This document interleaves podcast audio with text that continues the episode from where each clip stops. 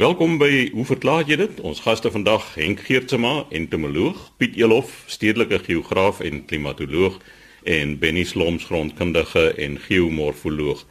Benny, ons begin by jou en daar's 'n luisteraar wat nou nie heeltemal seker is na 'n vorige gesprek wat die verskil tussen dolomiet en doloriet is nie. Dankie Chris. Ons het skrywe gehad van Willie Olivier van Kimberley. Nou voordat ek by die dolomiet doloriet kom, daarom eers 'n regstelling maak. Tydens die program op Sondag, die 13de November, het ek verwys na die stapelrotse by 'n warmwaterbron by Riobot. Dit is natuurlik by Okahanya en die warmwaterbron is Gros Barmen. Nou, hoekom Riobot by my mond uitgekom het, weet ek nie. En al verklaring wat my vrou hiervoor het, is dat dit moet 'n duidelike teken van die ouderdom wees.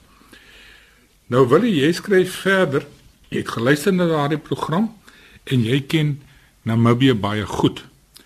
Jy is daar gebore, jy het daar groot geword en as gevolg van sy beroep het hy die land kruis en dwars deurgery. Hy ken Namibië. Nou die plekke waar die gesteentes gevind word is bekend. Nou weet ek nie of ek reg gehoor het nie. Benny praat van doleriet met 'n R. Hy sê dit wat ek ken is dolomiet met 'n M is daar 'n verskil in die gesteentes. En dan sê hy die berge tussen Grootfontein en Tsumeb se dolomiet trek nogal baie weerlig tydens storms. Die dak van die Otjikoto meer noord van Tsumeb was dolomiet voordat dit miljoene jare gelede ingetuimel het. Nou wil hy, daar is 'n groot verskil tussen doleriet en dolomiet. Jy het reg gehoor, ek het gepraat van doleriet tydens daardie program op 16 November.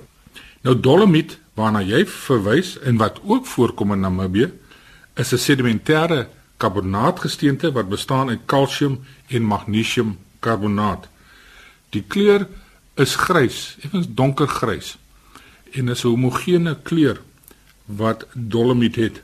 Indien jy verdunne soutsuur op die dolomiet sit, sal dit bruis. Want koolsuurgas word vrygestel deur die reaksie tussen die suur en die karbonaat. Doleriet daarteen is 'n basiese stormgesteente wat in die aardkors opbeweeg het horisontaal in plate en vertikaal in gange en hy daar afgekoel in die aardkors. Nou met die oorliggende verwering van die oorliggende gesteentes is hierdie doleriet éventueel vrygestel en ek het dit juis in die vorige program verduidelik. Nou dolomiet word in die landbou gebruik om veral magnesiumtekorte aan te vul tydens diepgrondvoorbereiding veral vir meerjarige gewasse. Nou, jy verwys ook in jou skrywe na die Otjikoto meer noord van Tsumeb wat gevorm het nadat die dak ingestort het. Nou dolomiet is oplosbaar in water. Nie baie nie, maar oor baie jare, kom ons sê miljoene jare, kan baie van die dolomietgesteente opgelos word deur die ondergrondse water wat daardeur vloei en dan kry ons ondergrondse holtes, gange, grotte, openinge ondergronds. En hierdie holtes is gewoonlik gevul met water. Nou indien van hierdie watervlak in hierdie holtes sou daal, soos wat 'n mens tipies kry by myn aktiwiteite aan die Witwatersrand, dan kry 'n mens dat die dakke instort en jy kry die vorming van sinkgate. Nou ehm um, Otjikoto meer is 'n goeie voorbeeld van so 'n sinkgat, 'n groot sinkgat wat ontstaan het. Nou jy sê dat die berge tussen Grootfontein en Tsumeb trek baie weerlig omdat daar dolomiet gesteentes voorkom. Nou wil jy die gesteente wat eintlik weerlig aantrek is jou ystergesteentes gesteentes wat baie yster bevat soos doleriet. Ons weet dat jy redelik baie weerlig kry op doleriet randjies, maar ek dink nie dat dolomiet dieselfde aantrekkingskrag het vir weerlig nie. So om op te som, die vraag wat jy gevra het, jy kry beide hierdie gesteentes, dolomiet en doleriet in Namibië en hulle verskil grootliks van mekaar. Binne ons nou uh pad is Namibië toe hier by Springbok en daai plekke verby en dan sien ons juis hierdie stapel rotse as ons so kan sê En wat mense baie keer na verwys is dat dit lyk soos wolsakke. Mense wat weet as jy skape skeer of kangorabokke skeer, daai sak wat jy vol wol stop, hierdie goed is gerond soos jy by 'n vorige program gesê het, die nate wat daar is en dan lyk dit soos wolsakke, maar sê net vir my die bekende kankogrotte by Oudtshoorn. Dit is uit die aard van die saak uit ook dolomiet wat daar voorkom. Ja, dit is die Kango formasie wat ook 'n karbonaat gesteente is. En uh, een van die groot aantrekkingskragte van grotte is die stalagmiete en stalaktiete wat binne in hierdie holte vorm soos water deursuiver van die bokant van die dak van hierdie ondergrondse holte of grot en dan die water dan neerdrup tot op die vloer. So van die kalsiumkarbonaat, magnesiumkarbonaat ook los op tensy hierdie deursuiver van water en as die water druppeltjie nou so van die dak afhang en die water vloei nou argument sal baie stadig deur dan verdamp die water en die karbonaat slaan neer en jy kry die vorming van kalsiet. Dit gee vir jou jou tipiese stalaktiete wat vanaf die dak hang en die stalagmiete wat van die grond af opstaan. Ja, Piet, daardie groot reeks grotte by Kango is gevorm deur dat water, water wat daar deur daardie gesteentes gevloei het, al daardie materiaal opgelos het en dan die strukture wat jy vandag sien, hulle praat van die gordyne en pilare en goed, dit is sekondêre goed wat toe in daardie ondergrondse holte is gevorm het. Die antwoord oor dolomiet en doleriet is deur Benny Sloms gelewer, ons grondkundige en geomorfoloog. En Henk, jy het dit vandag oor mure. Ek het 'n brief van Herman Husselman gekry. Hy sê woon in Hebbedien, KwaZulu-Natal luister graag na die program op Sondag. Dan vra hy sy hulle bespreek hoe klein muurtjies iets wat lekker is intussen jou klere in 'n plastiek sak vir hoe kas so vinnig opspoor en hoe kry hulle die pad terug nes toe. Dan verder vra hy het mure ook bloed, asemhaling, sinuus en so voorts. Nou in die eerste plek, mure is opportuniste, avonturiers en elke muurtjie in 'n nes, dis natuurlik werkermure en is vroulike mure. Die mansmure is meer betrokke by beparing, paring as dit gebeur. Maar dis die meisies wat die werk doen. En hulle loop rond. En as hulle iets optel en dis van nut vir die kolonie, dan sal dit rapporteer. Nou, is die vraag dan, hoe kan hulle die pad terug nes toe? Terwyl hulle die nes verlaat, is daar kliere op die agterlyf wat so nou dan op die grond tik en dit vorm 'n spoor. So soos die muur na 'n aanlok situasie gaan, soos byvoorbeeld soetigheid in 'n plastiek sak of tussen klere of wat ook al, dan word die rookspoor neergelê. En natuurlik, die rookspoor wat die naaste is aan die bron van aantrekking is die sterkste. Omdat dit die varsste een is. So as die muur nou agterkom met hierdie kan 'n dooie vlieg wees of 'n ding wat hulle kan terugsleep nes toe dan draai hulle net om en dan loop op dieselfde spoor weer terug en hulle weet dat hoe swakker die spoor is, hoe nader hulle na die nes is. So hulle nes kom, dan gee hulle die pakketjie wat hulle opgetel het af en hulle loop weer dieselfde spoor. En nou kry mense dat die ander mure begin dan dieselfde spoor volg, 'n soort van 'n trein. So die rookspoor wat neergelê word word versterk deur die nes. En wat ook interessant is, elke muurnes het 'n spesifieke reuk vir daardie spesies van muur en vir die nes besonder self. Dit kan baie subtiel wees. Ons kan dit nie ruik nie, maar dit is hoe hulle hulle pad terugkry nes toe. Natuurlik die son speel ook 'n baie belangrike rol omdat die son verander van posisie gedurende die dag en van hulle maak nie net gebruik van die rookspoor nie, maar ook van die hoek wat die son maak met die grondoppervlakte. Maar dit is 'n onderwerp wat ek later kan bespreek. Nou vra Herman, het mure ook bloed, asemhaling, sinus en so voorts. Nou kom ons by 'n lang vraag eintlik. Wat is die eintlike verskil sê tussen die vertebrata, soos die mens, die werveldiere en invertebrata? Nou die maklikste om dit te verduidelik is om net hande vier voet te staan. As jy hande vier voet staan, is jou sinusstelsel, jou sinusstring lê dorsaal in jou rugwervels. As jy invertebraat is, lê jou sinusstring ventraal onder. Dit is een van die grootste verskille tussen vertebrate en invertebrate. Maar kom ons beperk ons tot die werkermuur. Sy's 'n wyfie, sy's geslagloos en vlerkloos. Sy moet die werk doen, soos Maanie kom bys. Nou is die vraag, het mure ook bloed, asemhaling, sinuus en so voorts? Nou as jy mens na 'n muur kyk, kom ons kyk na die kleinste muurtjie wat 'n mens sou kan indink, half millimeter lank. Dan eerste plek het hulle 'n skelet, maar dit is 'n exoskelet. Die mens, ander diere het 'n endoskelet, met ander woorde die skelet is aan die binnekant word omring deur 'n huid en dan tussen die huid en die endoskelet is dan aanhegting van spiere en so aan en so voorts. Maar by die insekte is die exoskelet is 'n harde laag net by die larwes, ruspers en so en is dit bietjie aan die sagte kant, maar gewoonlik is dit 'n beskermende laag.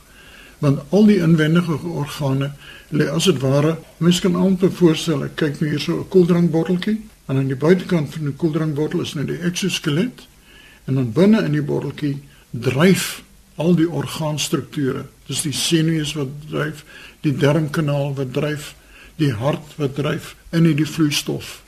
Want hierdie botteltjie wat nou die exoskelet is van mure, is eintlik niks anders nie as 'n vloeistofgevulde holte. Goed. Die probleem natuurlik van die exoskelet is omdat dit 'n harde skelet is by volwasse insekte, belemmer dit die kommunikasie van die liggaam met die buitekant. Ons oë kyk direk na die lig. Ons vel kan direk voel. Ons kan hitte, warmte voel en koue en so aan. Maar by die insekte het ons nou hierdie isolasielaag. Nou moet hulle iets vind om kommunikasie van binne die lyf na buite te maak. En dis 'n groot probleem van 'n insek se of 'n kreef, insek, skorpioen se liggaam. Is hoe weet jy wat buite aangaan? Goed, nou begin ons by die kopstruktuur van 'n insek. Nou die kop lyk soos 'n enkel struktuur, maar bestaan eintlik uit 5 tot 6 segmente. En natuurlik ons weet die kop van 'n insek bevat monddele. Monddele self vier verskillendes, vyf verskillendes hang af wat jy beskou as 'n deel van die mond. Dan het jy oë. Die oë is van twee tipes: saamgestelde oë, enkelvoudige oë en dan natuurlik die voelers of antenne. Nou die oë is ligsensitief. Nou die enkel oë, daar's gewoonlik by die muur 3 van hulle op die kop. Nou hulle is aanvanklik vir ligintensiteit. Met ander woorde, hulle kan uitvind waar is die sterkste lig. Nou mense vind altyd dat baie insekte, kom ons vat plantluise net vir voorbeeld. Hoekom is plantluise altyd op die groeipunte? Hoekom is ruspers altyd op die groeipunte? Omdat hulle die ligintensiteit as die hoogste ervaar op die groeipunt. Maar hulle weet ook omdat die ligintensiteit so hoog is daar, is die plante groei ook die weligste daar, want dis waar nuwe plante groei ontwikkel. Maar ek wyk af van die muur. Die probleem met die exoskelet weer een, dit gee goeie beskerming teen vyande en teen uitdroging, want uitdroging is die insekte se grootste probleem op aarde. Nou, gelukkig is daar op die exoskelet is daar wat ons noem taktiele hare. Met ander woorde, as die wind beweeg oor die exoskelet, dan is dit amper soos 'n wipplank, van dan word die punt van die haar aan die binnekant van die exoskelet word gerek en die sinus stel dit op, nou kry die waarneming, die wind waai oor my. Nou, soos ek sê die insek se kop is dan soveel segmente, dan die bors bestaan uit drie segmente. Baie keer is dit versmelt by die meer gevorderde insekte, primitiewe insekte nie. En dan het ons abdomen wat bestaan uit 9 tot 10 segmente. Nou die drie dele, die kop, bors en abdomen kan beweeg ten opsigte van mekaar. Die abdomen het die vermoë om te kan rek. Byvoorbeeld as 'n mens vloeistof inneem, kyk mense kan baie keer 'n mure wat nou soet water kan neem en hulle kan hulle liggame soos ballonnetjies laat opswel. En dan as hulle teruggaan na die nes toe, dan word die ballonnetjies dan weer leeg gemaak.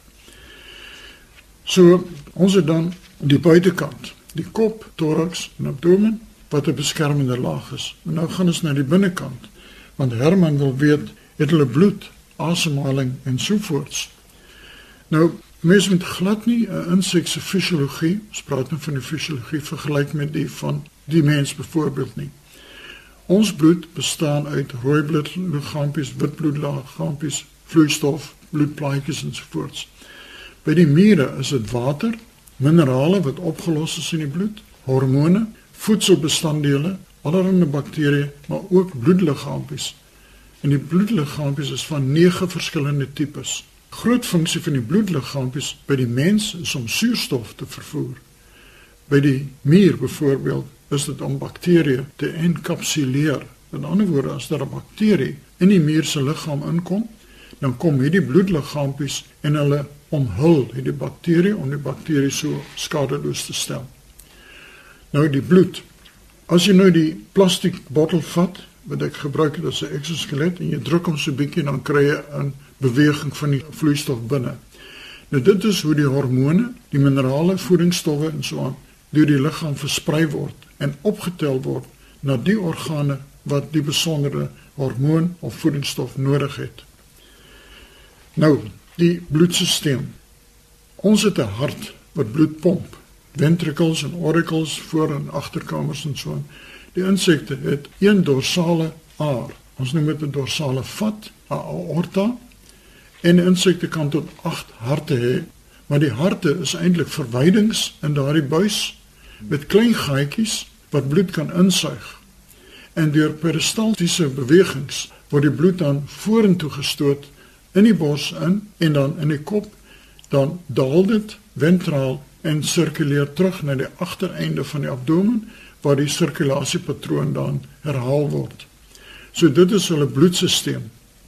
Nou baie kere as mense insek seermaak, sien maar rusper, dan sal mense sien hy bloei of sy. Nou die bloed van die insek bevat baie tirosien.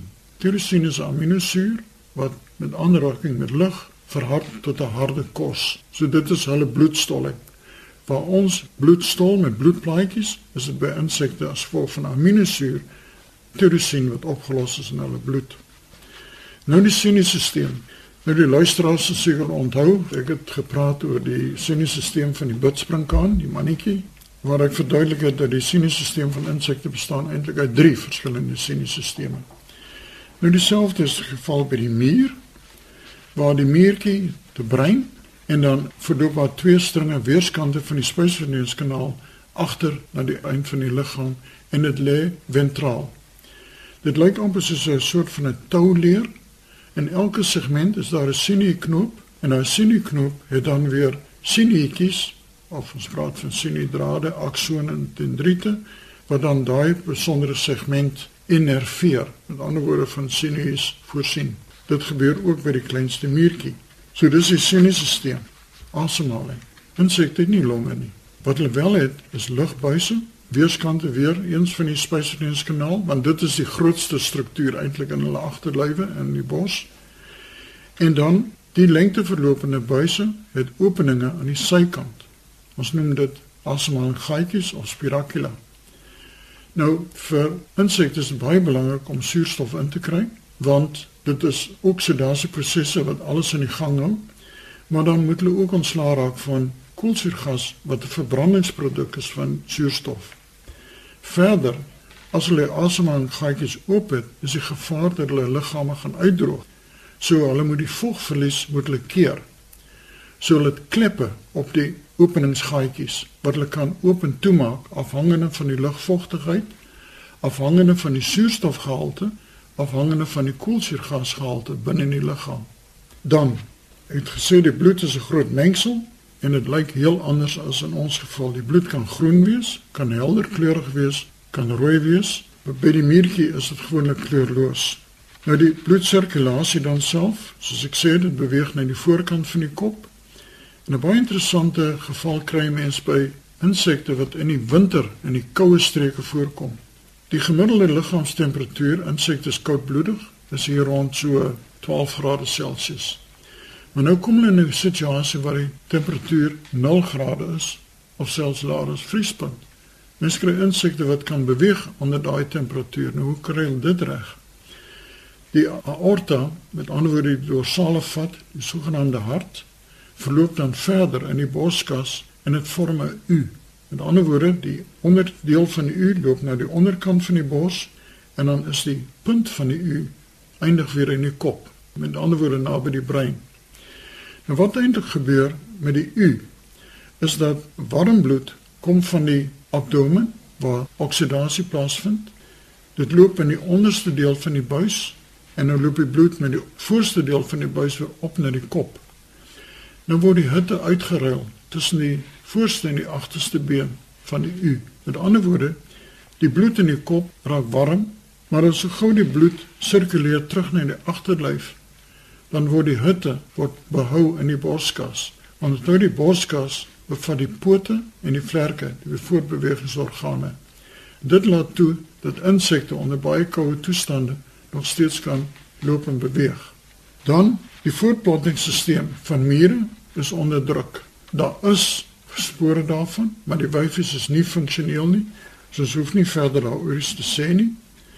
Dan die sinsorgane, is die oë, soos ek verduidelik het, die oë kan goed sien. Die voelers is die reuksintuie wat baie sensitiewe reuke kan optel omdat elke voeler as mens dit sou vergroot bestaan uit sogenaamde potjies. En die potjie het 'n klein opening wat dan die lug inkry en daar's chemosensitiewe organe wat dan vir hulle vertel hierdie is 'n aanloklike reuk, dis die reuk van my eie nes, dis die reuk van 'n maat, dis die reuk van 'n prooi. So dit is wat dan by die voelers gebeur. En dan verder kry mens dat 'n baie komplekse stelsel van interaksies dan tussen die spiere, die sirkulasie, die asemhaling, stelsels, verteringsstelsels. En nou, soos ek gesê het, verbeel jy dit in 'n muurtjie wat 'n half millimeter groot is. Hulle het onlangs in Vietnam 'n parasiet, 'n wespie gekry wat die brein van die muur parasiteer. Nou kan jy mens jou voorstel hoe klein daardie wespie se volledige fisiologie moet wees net om jy te laat dink hoe wonderlik die skepping eintlik is. So sê Henk Geertsma, ons entomoloog, laaste aan die woord Piet Elof, stedelike geograaf en klimatoloog. En Piet, jy gesels oor tornado's. Ja, dankie Chris. Ek is eintlik seker verplig om hier 'n brief net vinnig voor te lees van uh eh, Saal Du Plessis van Verleesdorp. Hy sê hy luister al baie jare dekades nou hoe verklaar jy dit? Hy sê en hy verlustig om elke keer opnuut in die pragtige Afrikaans wat deur die deelnemers gebesig word. Nie alleen praat hulle almal 'n pragtige suiwer Afrikaans nie, maar hulle ontgin ook 'n baie breë woordeskat. Selfs moeilike wetenskaplike beskrywings of verduidelikings word in suiwer Afrikaans gedoen wat maar net as bewys dien dat Afrikaans 'n uh, volwaardige wetenskaplike taal kan wees veral ook omdat dit uit die Duitse en Nederlandse bronne kan put. Nou Chris, ja, jy is heeltemal reg. Ek het 'n brief ontvang hier van uh Annie van Sail daar van Middelburg in Mpumalanga. Nou ek het al voorheen gesê Mpumalanga beteken daar waar die son opkom en ek, ek wag vir die dag wat hulle die Weskaap gaan noem Chonilanga wanneer daai is waar die son ondergaan. Annie, jy vra die inwoners sê dat die twee tornado's wat daar voorgekom het, dieselfde pad gevolg het en sy wil weet is dit net toeval of volg tornado's altyd dieselfde pad? Nou Annie, ek kan vinnig 'n bietjie net die verskil tussen 'n tornado en 'n tropiese sikloon want baie keer word na die tornado's ook as siklone verwys. Nou tropiese siklone tref gewoonlik ons vaste lande hier vanuit die Atlantiese Oseaan, veral die noordelike Atlantiese Oseaan aan die ooskuste van lande.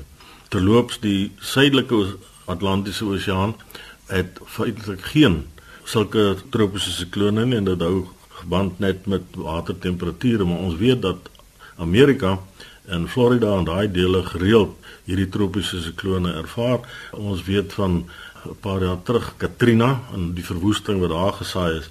Gelukkig in, in Suid-Afrika het ons 'n tipe van 'n skild in die vorm van Madagaskar, maar nou en dan glip daar so 'n tropiese sikloon uit die Indiese Oseaan deur Madagaskar verby en een van die bekendste van hierdie gevalle was so 'n tropiese sikloon met die naam van Demoina wat redelik groot skade aangerig het in die oostelike deel van Suid-Afrika en selfs in sommige gevalle die boergrond van plase totaal weggevoer het sodat daai boere eintlik nie verder kon boer op daai gronde nie. Maar nou ja, die Engelse sal sê what's in a name. Vir hierdie tropiese siklone word daar gewoonlik name gegee en die rede daarvoor is sodat dit gemoniteer kan word op kaarte want daar tydjie meer as een van hierdie tropiese siklone wat op mekaar volg. Nou wat tornado's aanbetref, is die strukture bietjie anders. Die tropiese siklone kan verwoesting oor honderde kilometer veroorsaak. Wat tornado's aanbetref, is dit redelik beperk. Dis eintlik 'n plaaslike storm wat daar heers. Ons praat van 100 150 meter, miskien 'n bietjie wyer waar die verwoesting gesaai word. In die FSA kom hulle dikwels voor en dit is gewoon as gevolg van die kontinentale koue lug uit Kanada uit van die Kanadese skild af en dan die droë lug uit die westelike gedeelte en die vogtige lug vanuit die Atlantiese Oseaan wat dan bymekaar kom en dan hierdie sogenaamde draaikolke of tornado's vorm. Nou die Amerikaners is natuurlik lief daarvoor om die goed te jag. Ons sien dit baie keer op televisie en uh, as hulle nie gou maak nie, dan kan hulle ook en daar is van hulle al wat dit nie gemaak het om betyds weg te kom van daai tornado's nie, maar die tornado is 'n geweldige storm wat voorkom. En hulle beweeg dikwels teen ongeveer 45 km per uur wat hulle vorentoe beweeg. Die Amerikaners praat van twisters of cyclones, maar soos ek sê, ons sien dit in die kleinste in Suid-Afrika in die binneland. Dikwels ons praat van dwarrelwinde. Dis eintlik maar net 'n klein tornadootjie wat daar ontwikkel het, maar in elk geval dit gaan oor die verskillende temperature in daai spesifieke omgewing. Nou gelukkig so 'n tornado het nie 'n baie lang lewensduur nie maar soos ek sê dis van die grootste verwoestende kragte wat in die natuur voorkom. Ek onthou dat by geleentheid het mense na gevra maar hier in die Wes-Kaap kom hier tornado's voor. Dit is nie iets wat algemeen voorkom nie, maar dit kan hier voorkom. Dit hang af van die weerstoestande in die omgewing. Daar is al genoeg fotos geneem van so 'n tornado wat hier voorgekom het en as 'n mens kyk op 'n lugfoto dan kan jy agterkom wanneer daar so 'n klomp dakke in 'n omgewing van 'n kilometer of wat wyd afgeruk is, kyk 'n bietjie na die oorblyfsels wat daar en jy kan sien dat dit in 'n sirkelvormige vorm uitmekaar uit gestrooi is. En daaruit kan jy dan ook aflei dat dit wat die storm wat jy ervaar het hier in die Wes-Kaap is uiteindelik eintlik so 'n tornado, maar dis nie iets wat algemeen hier voorkom nie. Natuurlik verskillende materiale as gevolg van hierdie suigkrag want dit is lug wat styg kan natuurlik opgesuig word en as so 'n tornado byvoorbeeld ek noem nou maar net enkele voorbeelde daarvan as so 'n tornado voorkom en hy gaan oor 'n kleinerige dammetjie water dan kan hy paddas en visse opsuig en dan kan ons sê maar dit het paddas en visse gereën. Maar dit is as gevolg van so 'n natuurverskynsel wat dit dan nou gebeur het. So ja, en die, wat jy nou daar noem, die tornado's wat jy waargeneem het of waaroor jy wil berig, dit is nie noodwendig dat dit dieselfde pad volg nie. Die gebied waar dit voorkom, dit mag dalk dieselfde gebied wees, maar definitief nie dieselfde pad wat so 'n tornado volg nie. So ja, as daar twee is wat dieselfde pad gevolg het, dan moet ek toegee dat dit waarskynlik net bloot 'n toeval was, maar die omgewing waar dit voorkom, daai omgewing is eintlik onderhewig aan hierdie tipe van verskynsel. Daar het die tyd ons ongelukkig ingehaal. Dit was dan Piet Elof wat oor tornado's gepraat het. Skryf gerus aan, hoe verklaar jy dit? Posbus 2551 Kaapstad 8000 of stuur 'n e-pos aan chris@rsg.co.za.